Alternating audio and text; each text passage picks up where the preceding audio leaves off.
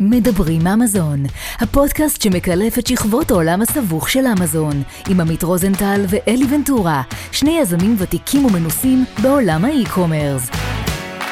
בואו נצא לדרך. היי, אנחנו בעוד פרק של מדברים אמזון, הפודקאסט שבו אנחנו מארחים יזם או יזמת אמזונים ונחשפים לסיפור שלו או שלה. אני אלי ונטורה, איתי כמו כל שבוע עמית רוזנטל.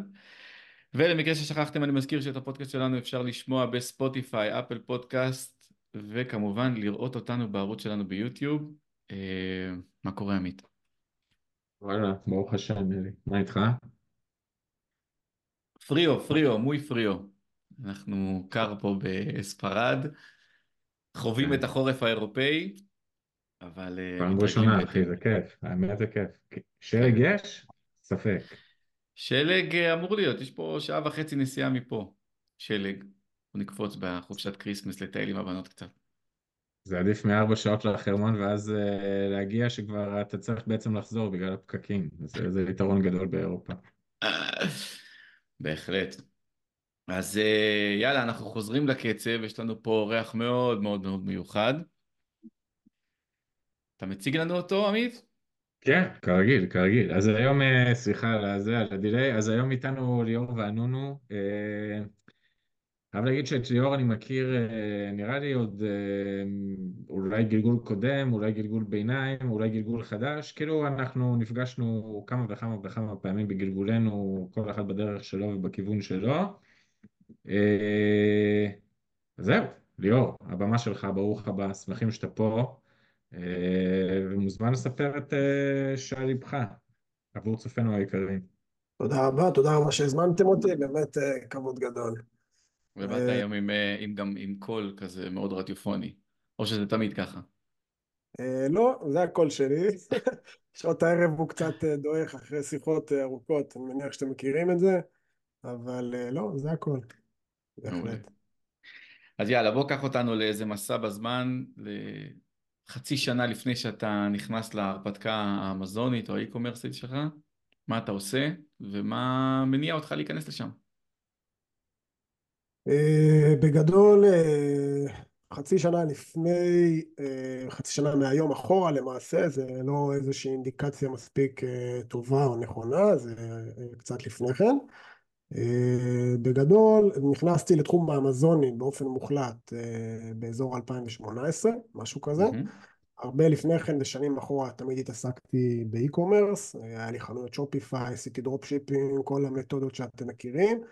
וב-2018, סוף 2018, אולי אפילו תחילת 19 אם אני לא טועה, התחלתי ממש לחקור את התחום של אמזון, למדתי, לקחתי כמה קורסים אונליין בזמנו אה, של כל מיני מנטורים אמריקאים, אחר כך גם עשיתי קורס אה, אצל אה, בחור ישראלי, יחסית מוכר, וככה בעצם נכנסתי לתחום הזה, היה לי הרבה ידע מקדים בכל עולמות המסחר האלקטרוני וזה שימש לטובתי. והתחלתי בעצם עם מותג, מותג צעצועים. רגע, אני, אני, אני, אני אקטע אותך ככה באמצע הסיפור לשאול שאלות כי אני מסוקרן. כן, בטח. אה, איך, איך אתה רואה את, ה, את הידע האמזוני שלך ב drop ב Shopify כ, כמנוף או כמשהו שבאמת עזר לך להתחיל למצוא מוצר ראשון באמזון? אה, באופן כללי אני לא חושב שיש איזשהו קשר ישיר בין עולם ה drop shipping למודל של אה, אמזון FBA, אוקיי? זה באמת אה, שתי קיצונים שלא משיקים בשום צורה. מהמם. אה, ופשוט, אתה יודע, יש יותר את החוש הטכני, יש יותר את הגישה, אה, יש לך איזה שהן מתודות מסוימות שאתה כבר מכיר, יש לך את האנשי קשר, יש לך את הכלים שאתה מכיר, אתה מכיר את הזירה, אז יותר קל לך להתנהל בעולמות החיפוש מוצר, אה, מיקוח מול ספקים, יש לך בכלל את היכולת לתקשר עם ספקים, אבל אין קשר ברמת השיטה, ברמת, ה, אתה יודע, ברמה העסקית, במודל העסקי של, ה, של, ה, של העסק אין שום, אה, שום קשר למעשה. כאן לא היה לי איזשהו יתרון אה, מסלר רגיל, עשיתי קורס כמו, כמו הרבה סלרים אה, מתחילים, אבל היה לי במקביל, גם באותה תקופה היה לי עדיין במקביל חנויות דרופ, היום כבר לא. גם חנויות Shopify שהייתי עושה בהם dropshipping והיום כבר שום דבר מזה לא פעיל כי בעצם אני משתמש ב-FBA עם כל היתרונות שזה מביא איתו. הבנתי. ליאור, לי יש שאלה. היות ואני פחות או יותר יודע את הגיל שלך, אז אם ניקח 2018 היית יחסית צעיר, קצת אחרי צבא כנראה, ואתה אומר שהיה לך הרבה מאוד שנים או ניסיון באי-קומרס בכלל, או לפני כאילו אמזון. איפה, כאילו מה בעצם עשית אחרי השחרור ולמה דווקא ללכת לאי-קומרס ולא, לא יודע, אתה יודע, בוא אפשר לחשוב על כל תחום אחר, אבל למה ספציפית המשכת לאי-קומרס ולעולמות האלה? אז אולי אני הולך להגיד משהו שיפתיע אותך. לא, לא הייתי משוחרר ב-2018, הייתי בשירות קבע ארוך, הייתי הרבה שנים בצבא. ואפילו הרבה מהנוכחות שלי בקהילות של עולמות המסחר, לאו דווקא באמזון, גם באמזון, אבל לאו דווקא באמזון, עדיין הייתי קצין בחיל אוויר, והרבה מהדברים שעשיתי, עשיתי תוך כדי שירות. לא הרבה יודעים את זה, כי פשוט, אתה יודע, אני מפריט בין, בין תחומים. אבל עדיין הייתי, עדיין הייתי בשירות ב-2018, ועשיתי את הדברים במקביל. ואתה שואל למה דווקא עולמות המסחר, אז קודם כל אני חושב שאתה יודע, כמו, כמו הרבה ישראלים ומחפשי הזדמנויות, יש בעצם את ה, איזשהו את, ה, את החלום הזה להרוויח בצורה פסיבית ובצורה שהיא יוצאת דופן ממקומות עבודה קלאסיים, אז להגיד לך שזה מה שמשך אותי, אני לא בטוח, כי ידעתי שזה דורש השקעה, כי הכרתי את התחום וכולי, אבל דווקא בגלל שידעתי שיש לי את הכלים, וכבר הייתי מחובר לתחום הזה, איכשהו התגלגלתי דווקא לאמזון ולא, אתה יודע, ולא לזירות אחרות שאנחנו מכירים, marketplace ים אחרים באמזון, בארצות הברית, כי, כי דווקא באמזון ראיתי את, ה, אתה יודע, את ההתפתחות הגואה וגם עקבתי אחרי כל ההתפתחות הכללית של אמזון, לאו דווקא בצד של המוכרים אלא בצד הטכנולוגי באופן כללי. אז, אז ראיתי באמת, באמת יתרון והיה לי רצון מאוד מאוד גדול להיכנס דווקא לאמזון ולפתח באופן כללי את, ה, את התחום הזה אצלי בחיים האישיים. יש לי עוד הרבה, יש לי עוד הרבה, אתה יודע, תחביבים וכל מיני עיסוקים שאני עושה, אבל בערך בסוף 2018, תחילת 19, נכנסתי לזה בצורה, פול גז, בצורה מקסימלית ושמתי שם את כל הכוח שלי. גם כמוכר וגם גם עם הזמן באמת נתתי גם שירותים בתחום, כי גם מהבית אני, יש לי סטודיו המון שנים, אז זה גם עזר לי אגב. אם אנחנו מדברים למה דווקא אמזון, אז זה גם עזר לי איכשהו, במקום ללכת לשלם לנותני שירות, עשיתי את כל הדברים האלה בעצמי. זה גם היה יתרון לי אישי. נגיע לזה, זה, זה סופר מעניין. איך זה, איך זה התחיל. אז בוא, בוא רגע נחזור לאותה נקודה, לתחילת 2019, סיימת איזה קורס, עשית כמה קורסים, לקחת הכשרה, לא, לא נשענת על זה שאתה יודע e-commerce ולכן אתה יכול לעשות, אגב זה היה אחת הטעויות שלי בהתחלה, אני עשיתי eBay, עשיתי dropshipping ב-eBay, אני מלך ב-eBay, עכשיו אני אעשה אמזון, הנה, אני יודע eBay, אני חושב באופן כללי שאנחנו אף פעם לא באמת יודעים הכל בתחום הזה, זה תחום כל כך לא צפוי, יום יום הזירה משתנה לא רק ברמת המסחר, גם ברמה האסטרטגית, הכל משתנה, כל המודל משתנה, שחקנים מתווספים, המחיר עולה יורד, הרגולציות משתנות, מי כמוכם יודעים שזה תחום שאני אישית תמיד משתדל ללמוד כל הזמן. גם כשאני כבר בתוך התחום, אני לא חושב שאני יודע אפילו 50% מההתפתחויות החדשות, כן. אני חושב שאחד הסקילים החשובים ביותר, הבנתי את זה לאחרונה, אחד הסקילים החשובים ביותר ב, בלהיות סוחר אמזוני זה, זה להיות פסט לרנר. כלומר, תמיד לקרוא, תמיד ללמוד, לא, לא, לא להישען על ניסיון ולא על מה שאנשים אומרים, אלא תמיד ללמוד ולקרוא. הנה עכשיו, הרגע אמזון שינו את העמלות שלהם ל-2024, צריך לקרוא, צריך להבין טוב מה זה אומר, כי יש שם הרבה ניואנסים קטנים שאומרים בואנה, אסור לך להיות עם פחות מלאי. אם תהיה עם פחות מלאי זה פוגע בך. אז פסט uh, לרנר. אוקיי, איך, איך בחרת את המוצר הראשון שלך באמזון? את המוצר הראשון בחרתי במסגרת הקורס הפורמלי הראשון שעשיתי, אוקיי? Uh, כמו שאמרתי קודם, עשיתי גם לפני כן קורסים uh, אונליין, קורסים קטנים שקניתי ביודמי או כל מיני יוטיובים למיניהם, אבל שם לא עשיתי שום צעד אקטיבי, לא, לא, לא הוצאתי כביכול שקל לטובת התקדמות ב, במסחר. את המוצר הראשון בחרתי במסגרת קורס מסוים באסטרטגיה של כריסמס, צעצועים, בנינו על הנושא הזה של תקופת ה-Q4 ובאמת שם לעשות איזשהו launch אגרסיבי ועם זה להתקדם לחודשים הבאים. ככה זה פחות או יותר היה האסטרטגיה באותה תקופה. אוקיי, okay, והיה לך, זרקת מקודם שהיה לך ניסיון בתחום הצעצועים ב drop? לא, ב drop לא היה לי ניסיון בתחום הצעצועים, את הצעצועים פגשתי במוצר הראשון באמזון. לפני כן היה לי drop אה, כמעט על כל אה, נישה אפשרית. אה, אם זה כלי גינה, כלי מטבח, חלקים לגראז', חלקי רכב, היה מאוד פופולרי באותה תקופה ב eBay. לא, דווקא לא צעצועים. אולי היה פה ושם צעצועים, אבל לא איזשהו מיקוד מסוים. כמו... אוקיי. מה אתה אומר על הקטגוריה הזאת בכללי, כאילו על קטגוריית הצעצועים? כי מה שאני יודע, התחרות שם מטורפת, הרגולציה מאוד מאוד קשה. מהמקום שלי השילוחים שם מאוד מאוד מורכבים ונעשו אפילו עוד יותר מורכבים בשנה האחרונה. איך, ובכלל זה, אני לא אגיד שזה עונתי, כי זה בכל זאת, קונים את זה גם אה, לאורך כל השנה, אבל הפוקוס כמובן הוא ב-Q4. מה, מה, מה אתה יכול להגיד על, על הנישה הזאת כנישה בכלל? למי שאולי שוקל? אה, זה נישה שהיא קצת, אה, קודם כל היא טובה, אם אני צריך לסכם אותה, אה, היא טובה, אוקיי? ביחס לנישות אחרות, וחקרתי והבאתי וטעיתי והצלחתי בנישות אחרות, אני חושב שנישת הצעצועים דורשת באמת איזושהי התייחסות מיוחדת באופן כללי מאשר זירות אחרות באמזון.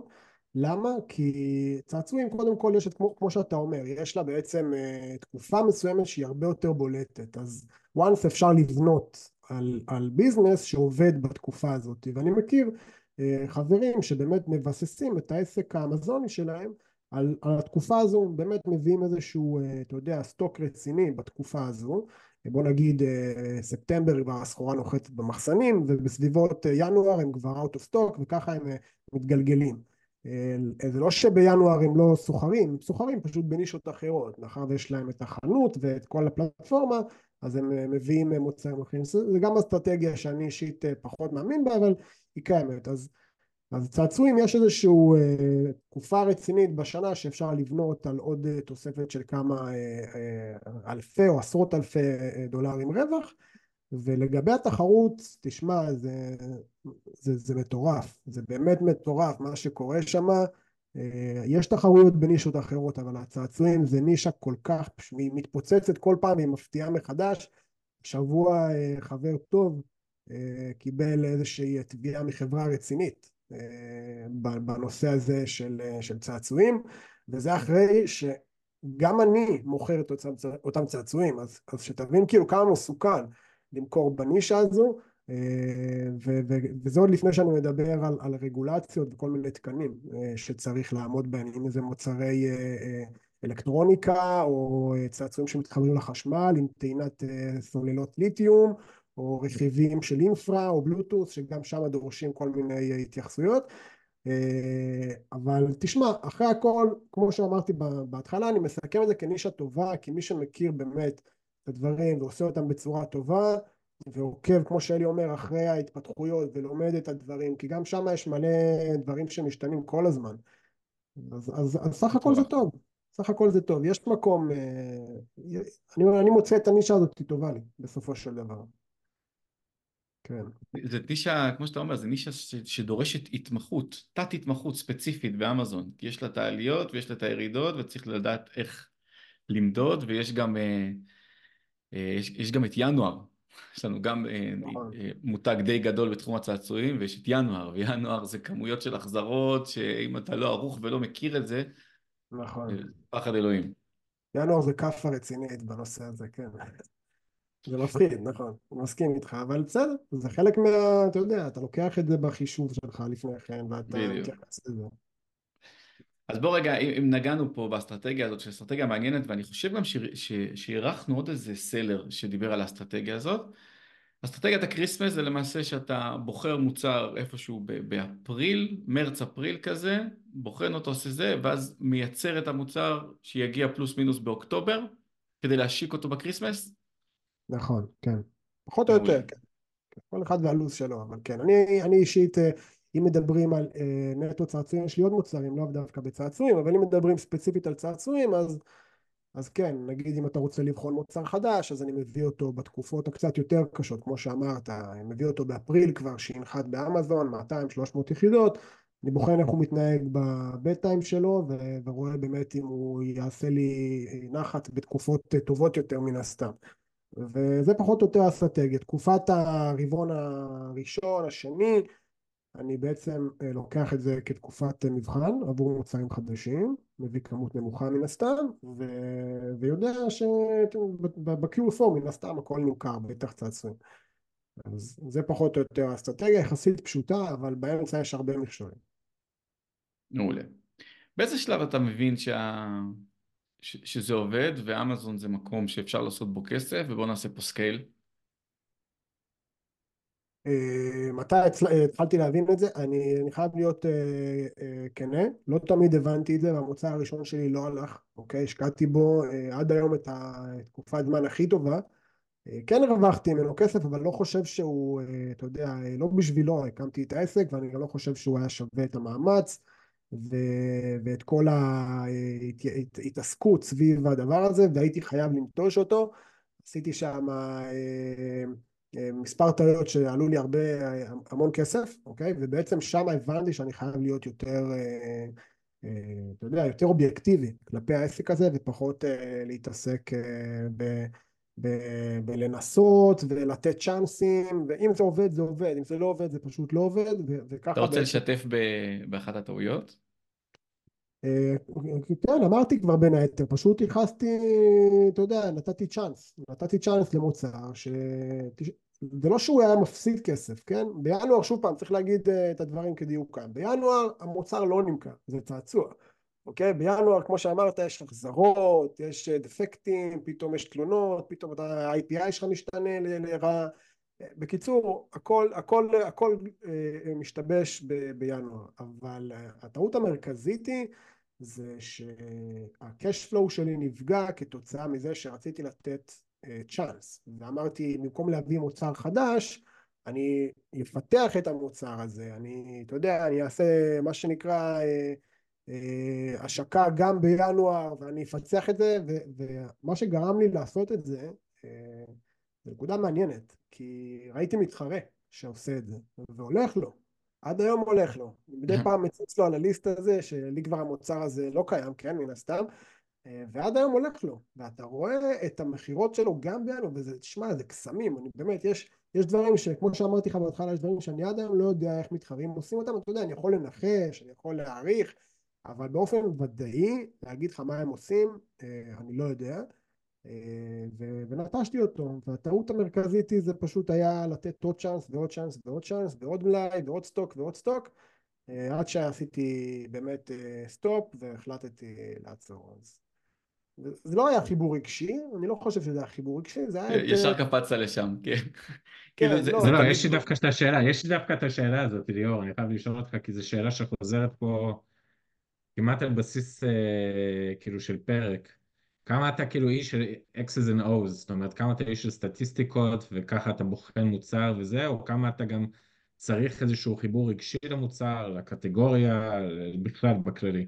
כשאתה בוחר איזה מוצר ללכת עליו. אני של סטטיסטיקה בהכללה שלי, אני מהנדס מחשבים ואני לא עובד לפי רגשות ובכלל אני לא, לא, אתה יודע, אני, אני יכול להגיד וואי התחברתי למוצר הזה, אני יכול להגיד אני מאמין במוצר הזה כי אני בן אדם בסופו של דבר ואני אני כן נותן מקום לדברים האלה אבל אני חושב שבמסחר אה, במסחר אלקטרוני ובאמזון בפרט אני לא חושב שיש לנו מקום לדבר הזה. אני, אני, אני, אני קורא לזה סלרים מאוהבים.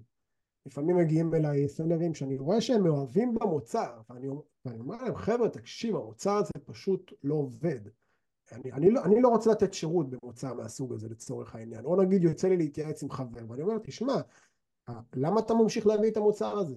אתה בהפסד. כאילו תסתכל על הדוח שלך השנתי profit and loss ואתה בהפסד. אני אפילו לא צריך לעשות drill down ולנתח את, ה, את העסק, אני רואה את ה-bottom line ואני לא מבין למה אנשים ממשיכים, וזה פשוט אנשים מאוהבים, אני קורא לזה סלרים מאוהבים. אה, אבל אני כן, אני כן נותן מקום, נגיד אם אה, יש לי, אין לי כל כך מוצרים שדורשים רגש, נגיד אין לי מוצר שאני עושה לו bundle ואני, אתה יודע, מרכיב אותו מכמה חלקים אה, ואז יוצא מצב שאני ממש אוהב את המוצר, אני מביא מוצרים גנריים פשוטים, אני עושה בהם איזשהו בידול, איזושהי שיטה שאני בעצמי פיתחתי אותה ברמת ה... אה, לשנות קצת את המוצר או להוסיף לו איזה משהו, לא משהו מתוחכם אבל כן משהו שהוא, אתה יודע, נותן באמת באמת ערך מוסף וגם מייקר את המוצר, ואז אני יכול להרשות לעצמי באמת למכור את המוצר במחיר יקר יותר, שעל פניו זו אסטרטגיה יחסית פשוטה, אני מוצא אותה עובדת, אני מוצא אותה עובדת. אז, אז אין לי באמת מקום אה, להתאהב במוצר או לפתח אליו איזה שהם רגשות. אה, אבל אני מבין את האנשים שעושים את זה וזה קורה, אתה רואה, זה קורה לרוב אה, במוצר ראשון, אולי מוצר שני תתפלא לשמוע, ראיתי מישהו שגם מאוהב במותג, זה כל המותג לא משהו. אני יכול להפנות אותך. אני יכול להפנות אותך לפרקים ספציפיים של אנשים כן. שאירחנו שדווקא אמרו, הסיבה שהמותג שלי מצליח, זה, זה בגלל שאני מאוהב במותג ואני, ואני מוביל אותו, וגם כאלה שאמרו שבגלל שהם היו מאוהבים אז, אז קרו דברים הפוכים. אז, אז איך אתה באמת מסביר את, ה, את העובדה הזו שבן אדם מאוהב במוצר ועדיין מצליח? כי אני רואה, זה יכול להיות יתרון, אבל זה לא, אה, זה לא סותר את העובדה שהמוצר גם צריך לעשות שכל במספרים. אני יכול להגיד לך שאני מסוג האנשים שכן מתאהבים, והתאהבתי הרבה פעמים במוצרים שלי ובמותגים שלי ובגלל שאני בא ממקום פחות אנליטי ליותר מרקטיאלי במהות שלי ו, ואמרתי אם אני בונה פה מותג ובוא נעשה ככה ובוא נלך איתה לסושיאל ובוא נעשה, ובוא נעבוד עם משפיענים ובוא נעשה המון המון דברים. והיה לי מותג אחד שהפסדתי שם ערימות של כסף בגלל שהתאהבתי בו יותר מדי אגב כן בתחום הצעצועים ומותג אחר שהוא אמנם בנישה קטנה יותר אבל בגלל ההתאהבות הזאת, הצלחתי להביא אותו למקום שהוא אחד מהשלושה ברנדים החזקים ביותר בארצות הברית באותה נישה, וזה המותג שמכרתי. עכשיו, גם שם יש 22 מוצרים תחת המותג, ויש שם מוצרים שכמו שאתה אומר, ב-P&L, בשורה התחתונה, הם מדממים, או שהם על 0, או שהם על 2, או שהם אחוז, ורק עכשיו שעשינו תוכנית עבודה ל-2024, מכרתי את המותג הזה כבר, ואני כאילו עם אטומיק, ואני יושב בתוכנית עבודה ועוזר להם במותג, ואני אומר אוקיי, המוצר הזה, זה מוצר, אני, אני מדבר איתך עכשיו משהו אישי, מוצר שאני הקמתי ב-2016, את המוצר הזה לא נזמין סחורה ממנו יותר, זהו, אני מנתק אותו ממכונת ההנשמה, בוא נהרוג אותו. יכול מאוד להיות שהייתי צריך לעשות את זה לפני שלוש שנים. כן. ועם הכסף הזה להביא מוצר אחר שיצליח יותר טוב. כן. טוב. אני... דבר ליאור, דבר. זה סיפור מעניין, טוב אני חושב שזה באמת סובייקטיבי הנושא הזה, כל אחד מסתכל על זה בצורה כזו, כשתוך כדי שדיברת אז שאלתי את עצמי אם הייתי מאוהב במוצר הראשון, אה, אז אני, אני חושב שאתה מכיר את ההתלהבות הזו של סלר מתחיל שמתלהב מהאורדר שקופצות, אה, מה, מההזמנות שקופצות, אז, אז אני, אני היום לא, כאילו, אתה יודע, גם, וכש, היום כשאתה מביא מוצר חדש, אתה עדיין מתלהב מאותן הזמנות? או שאתה סבבה, כאילו? לא, אז היום אני הרבה יותר מפוקח, הרבה יותר כמוך, הרבה יותר עובד בצורה אנליטית, של מה המספר, בוא נראה, יש לי יעדים מאוד ברורים להשקה, אם אנחנו נגיע ליעדים מצוין, אם לא, מקפלים, אומרים תודה, מתקדמים למוצר הבא. הבנתי, כן, זה פחות או יותר הגישה שלי גם, כן. אני חייב להגיד שזה קצת מרגיש לי כמו, נשווה את זה לחיים עצמם, קצת כמו להתחיל עם בחורה חדשה, התחלה מגניבה, הכל קול, ואז אתה קולט מה קורה, והבעיות מתחילות לצוץ למעלה, ואז כאילו אתה מקבל החלטה, אני ממשיך, או, אני, או, או יש פרידה בדרך, זה, זה די מזכיר את הסיפור הזה בסופו של דבר. נכון, נכון. אני יכול לספר לך שבשנתיים האחרונות ראיתי המון המון סלרים באטומיק, שאני, שאנחנו מדברים סלרים כאילו גדולים, כאלה שמוכרים בכמה מיליונים, mm-hmm. מבחינת המותגים המצליחים שראינו, המצליחים, עם האחוזי מרג'ינים טובים, עם המחזורים המאוד יפים, אני יכול לספר באמת שאולי 80-90 אחוז מהם הם בחשיבה כמוך, אנליטים, לא מאוהבים. הביאו מוצרים, המוצרים עובדים, מתקדמים הלאה, לא עובדים, ראינו אותם שהם שברו מוצר באמצע, הביאו מוצר חדש, ולכן העסק שלהם הרבה יותר יציב וסקלבילי. אבל יכול להיות שזה סתם. טוב, בוא נחזור לאותה נקודה, אמרנו המוצר הראשון לא התאהבתי בו, אז, אז לא, לא הייתי בטוח לעשות בו scale up, נכון? מתי אני כן בטוח יותר לעשות scale? אה, מתי שהיעדים שלך מממשים את עצמם, מתי שהתוכנית עבודה באמת אה, מגשימה את עצמה, אה, ובאופן כללי, מתי שאתה רואה כסף בכיס. מתי זה קרה אצלך? אצלי זה קרה שנה, שנה אחרי שהתחלתי. בוא נגיד, באותה, באותה נקודה שהפסקתי עם המוצר הראשון. כן. אני חשוב לי להגיד, לא, לא הפסדתי, זאת אומרת, הפסדתי, אה, אם אני מסתכל על זה במקרו ועל כל התהליך ועל ההשקעה של הזמן ועל העובדה שזה בא על חשבון דברים אחרים בחיים, גם אולי אפשרויות אה, כספיות אחרות או אה, אתה יודע, משפחה וכולי, אז כן, הפסדתי המון.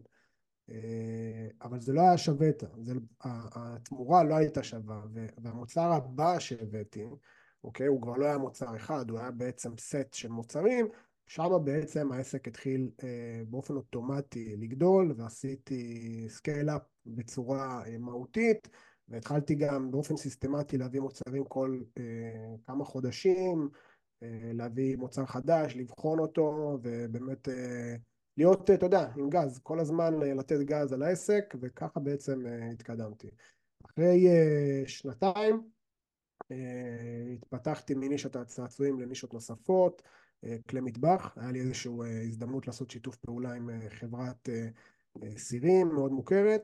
וכן, ושם בעצם נכנסתי גם לנושא הזה, אחר כך היה לי עוד הזדמנות להיכנס לכלי גינה וכלי עבודה ובעצם ככה התפתחתי מתחום הצעצועים לעוד נישות עד היום יש לי איזושהי אהבה לא מוסברת לצעצועים כי, כי היא מביאה את היתרון של ה-Q4 ואני לא רואה את זה קורה עד היום בשום נישה אחרת. זאת אומרת, לא הופתעתי כמו שהופתעתי בצעצוע, לטובה, אז כן? אתה, אתה מאוהב בנישת הצעצועים, תגיד את זה. טוב, בסדר. אם אין ברירה אתה אומר, אם אין ברירה אתה תגיד את זה. תשמע, אה, תשמע עמית, אני עשיתי דוקטורט בנישת הצעצועים, באמת, זה, זה, באמת דוקטורט. כל הנושא של המסמכים, ואתה כל הזמן מגלה מסמך חדש שצריך. זה לא רק MSDS ו-STM וכל הטפסים הגנריים, זה הרבה יותר מזה. וגם למצוא, אה, לא יודע אם זה המקום להגיד, אבל גם למצוא את, ה, את, ה, את הערוצים אה, להשתמש בידע שלך לטובתך כדי להתגבר על מכשולים, אה, אם אתם מבינים למה אני מתכוון. ו... ובנישת הצעצועים זה פשוט לא מפסיק להפתיע. לפעמים לטובה, לפעמים פחות. תראה, אני חושב שזה מאוד תלוי באיך אתה מסתכל על זה ואיך אתה לוקח את זה, כי הרבה אנשים שאם פתאום, אתה יודע, עשו תחקיר, סתם אני אומר, ב-2022, עמדו ברגולציות, אמזון אישרו להם, מוכרים את זה, ופתאום אמזון באים עם רגולציות חדשות, והם אומרים, רגע, אבל רק אישרתי, למה אני עכשיו צריך עוד להוציא כסף, למה אני עוד צריך להשיג אישורים? אז אה, בסוף זה גם, אני חושב, מאוד גישה אינדיבידואלית של בן אדם, מי שמסוגל כאילו אתה יודע, לשנות אה, מחשבה תוך כדי תנועה, יכול להיות שזה מתאים לו יותר, מי שפחות, זה צריך לקחת את הדברים האלה בחשבון. כן, נכון. אתה רוצה אה, לשתף אותנו קצת על שיתוף פעולה עם החברת צירים? זרקת משהו שיכול להיות מאוד מעניין. אה, היה לי, היה לי איזשהו, אה, בלי קשר לעולמות המסחר, יצא לי לפגוש איזשהו בן אדם שבעצם הוא שותף אה, בחברת, אה, זה לא רק סירים, זה בכלל כלי מטבח באופן כללי. הוא אה, שותף שם, יש לו בעצם אחוזים בחברה, והם היו צריכים, הם רצו להיכנס לאמזון ארה"ב, הם לא היו שם. בהתחלה היינו בעצם במודל כזה של ניהול, אני רק אנהל את כל העסק, כן יתקצבו אותו, הם לא הכירו שום דבר באמזון, אבל כן היה להם את האנשים. מבחינת אה, פרסום בסושיאל וכל מה שצריך, היה להם כבר משרד אה, שעבד לטובת החברה, ואני בעצם הייתי אחראי רק על הזירה האמזונית, אה, ובערך אחרי כמה חודשים שאנחנו מתחילים לעבוד, אז בעצם קיבלתי אישור להתחיל למכור גם בחנות שלי מוצר אחד, וככה זה התפתח. עם הזמן ככה זה התפתח, בהתחלה זה התחיל מאיזשהו מוצר שכבר יצא מהשוק, זה היה בעצם סיר בישול של עוף על בסיס מלח, כזה אם אתם מכירים, אתה שם מלח בתחתית של הסיר, שם את העוף שלם בתוך הסיר, סוגר אותו, ובעצם המלח מעדה את העוף, וככה בעצם העוף מתבשל. היום, היום המוצר, הוא לא בשוק, המוצר הזה הוא לא כל כך הלך לאותה חברה, אבל אני קיבלתי אישור למכור אותו, כי היה להם מלא סטוק של הדבר הזה, מכרתי אותו, היה לי, היה לי החזרות פה ושם, אבל שורה התחתונה האמריקאים אוהבים, אוהבים עוף צלוי ואת כל הסוגי בישול, וככה בעצם התחיל השיתוף פעולה, אחר כך זה עבר קצת יותר לסירים רגילים, שתי סוגי סכינים, התפתח, עם, עם הזמן זה התפתח לעוד uh, כמה מוצרים, ובמקביל גם ניהלתי את החנות שלהם. היה לנו כל מיני הסכמים, ואתה יודע שלא יהיה ניגוד עניינים וכולי, uh, ואחרי uh, שנתיים וחצי שעבדנו ביחד בצורה יחסית צמודה, הם החליטו להפסיק את הפעילות שלהם באמזון, כי הם, כמו, ש, כמו שאתם מבינים, הם לא, הם לא ראו שם יותר מדי רווחים ולא ראו מקום להשקיע, ו, וזהו. זה פחות או יותר ככה זה התחיל, ועד היום זה נמשך. היום אין לי איתם קשרים ישירים, אבל כן יש לי כבר אה, ספקים בתחום ו... ומוצרים משלי בלי קשר אליהם, אבל ככה זה התחיל למעשה. ככה הכרתי את המשם. כן. מעולה. אמרת מקודם שזרקת סטודיו בבית ו... ואמרת ש... ש... ש... שיש לך עוד יכולות אחרות ש... שעזרו לך בעסק. מה... אנחנו מדברים על עיצוב, על אה, תלת. משהו בסגנון? אה, כן, אני, אני אישית אה, קודם כל מגיע למשפחה של, אה, של צלמים, ההורים שלי יש להם סטודיו המון המון שנים, אני גם כשהייתי יותר צעיר בגיל 15 כבר גם הייתי מחזיק כבר מצלמה והייתי מצלם באירועים, הייתי עושה קצת צילומי אופנה ועם השנים באמת לקחתי את הדבר הזה והתמקצעתי בו, עשיתי באמת השתלמויות וקורסים וסדנאות, גם פה בארץ וגם בחו"ל, ובאמת תחום הצילום זה איזשהו הובי שהיה לי מאז ומתמיד, ולפני עשר שנים פחות או יותר לקחתי את זה קצת יותר לתחום המקצועי והתחלתי גם להתפרנס מזה. יש לי שתי סטודיואים היום, אחד נמצא בתל אביב, אחד נמצא בבני ברק.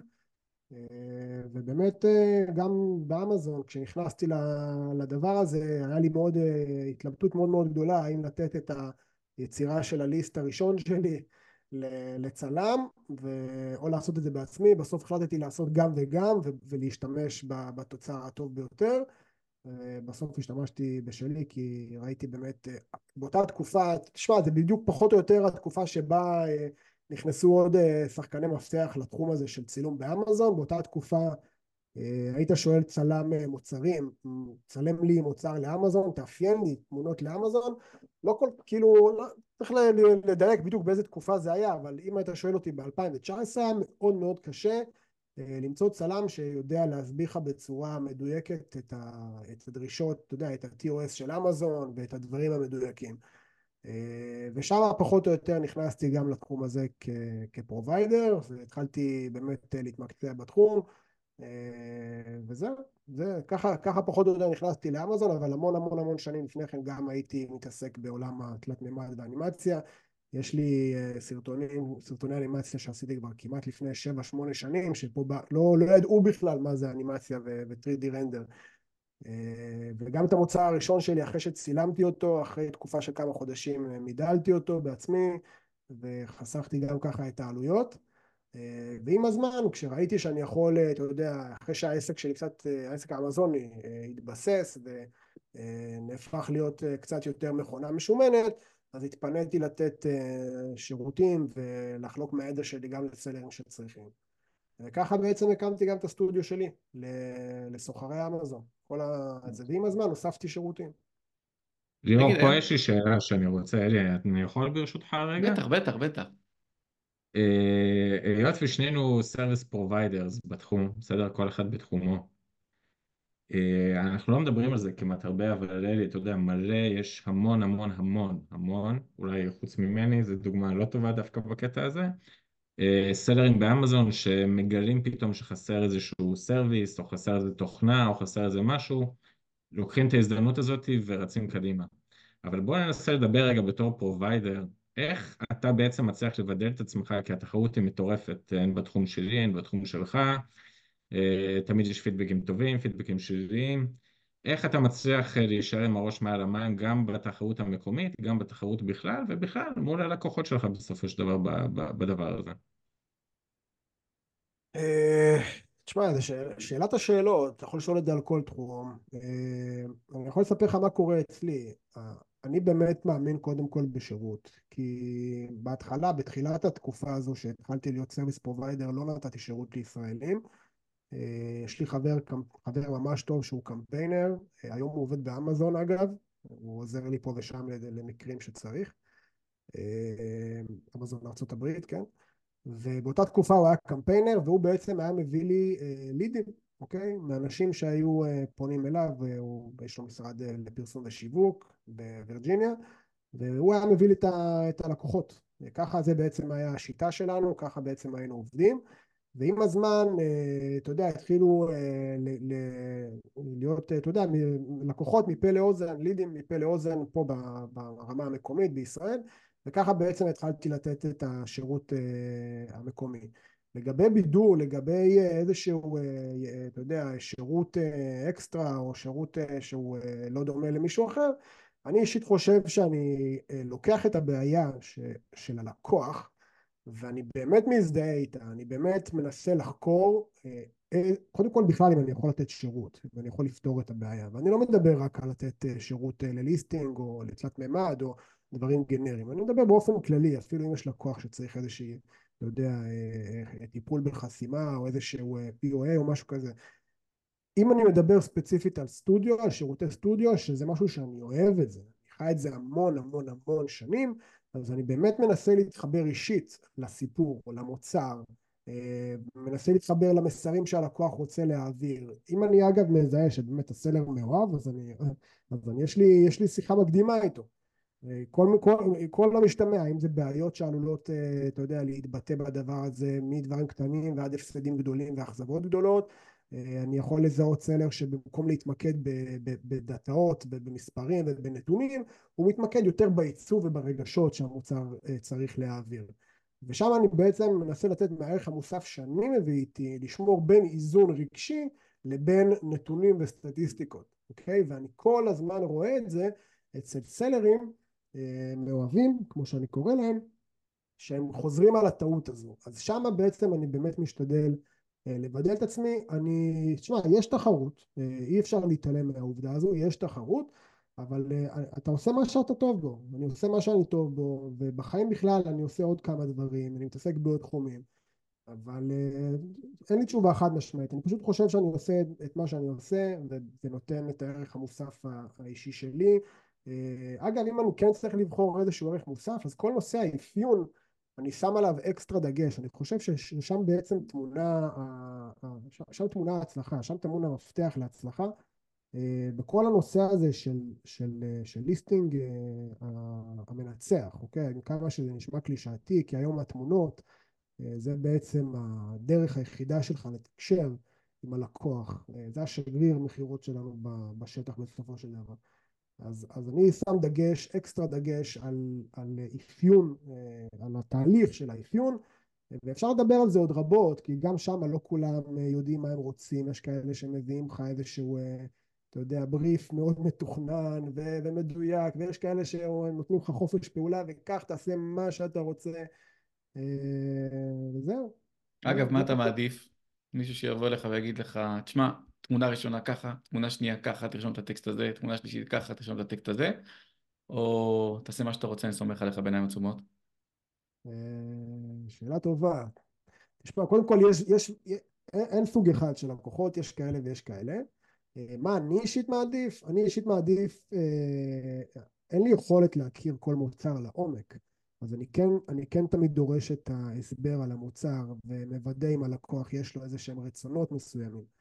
שהוא רוצה להעביר, איזה שהם דברים שחשוב לו, גם ברמת האמונה שלו וגם ברמת ה... ברמה הטכנית. אתה יודע, יש אנשים שמאמינים שאם אני אשים עכשיו מודל כזה, זה יעבוד יותר טוב. אז אני יכול אה, לפעמים אה, להסתייג ולהתווכח על הדבר הזה, במקרים כאלה אני עושה, נותן לו שתי אופציות, שהוא יעשה את ה-AB טסטינג בשטח, כמו שדיברנו, אנחנו אנשים של נתונים, ו- ויש לו את שתי האפשרויות. אה, ברמה האישית אני מעדיף שהסלר ידע מה הוא רוצה, אוקיי? גם כדי שהוא ירגיש הרבה יותר אה, אה, בטוח עם התוצאה שהוא הולך לקבל ולא יהיה מופתע.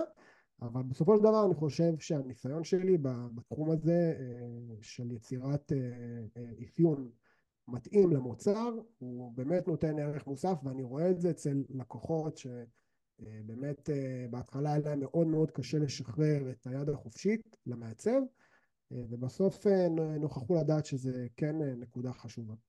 אבל בסוף בסוף זה באמת תלוי בסלר, אם סלר מתקדם והוא נמצא ברמה מאוד פעילה בתחום ויש לו מוצרים, אה, או שזה נגיד מוצר מקטלוג מסוים של נישה מסוימת, אז הוא כבר יודע מה עובד. אה, ואם זה מוצר חדש והוא לא יודע, אז אולי שם כן יש מקום אה, להכניס את היד החופשית. הכל מהכל. תגיד, היום שאתה עושה מחקר שוק למוצרים חדשים, אתה חוקר נישה מסוימת, מסתכל עליה, ו- ואתה אומר, וואלה, אמנם הנישה הזאת תחרותית, יש פה בשר, המתחרים פה נראים לי ותיקים וקשיחים, אבל אם אני אצלם את המוצר בזווית כזו וכזו, או אם אני אעצב אותו מככה למטה, אז אני יכול אה, אה, לבדל אותו משאר המתחרים, אפילו רק ברמת התמונה? זה כן. קורה עדיין באמזון? כן, בטח, ברור. אם אתה נמצא, בוודאי, בטח שזה קורה. תשמע, היום הסלר, גם הסלרים הסינים מאוד קשה לזהות את הליסטים שלהם, כן? זה לא מה שהיה פעם.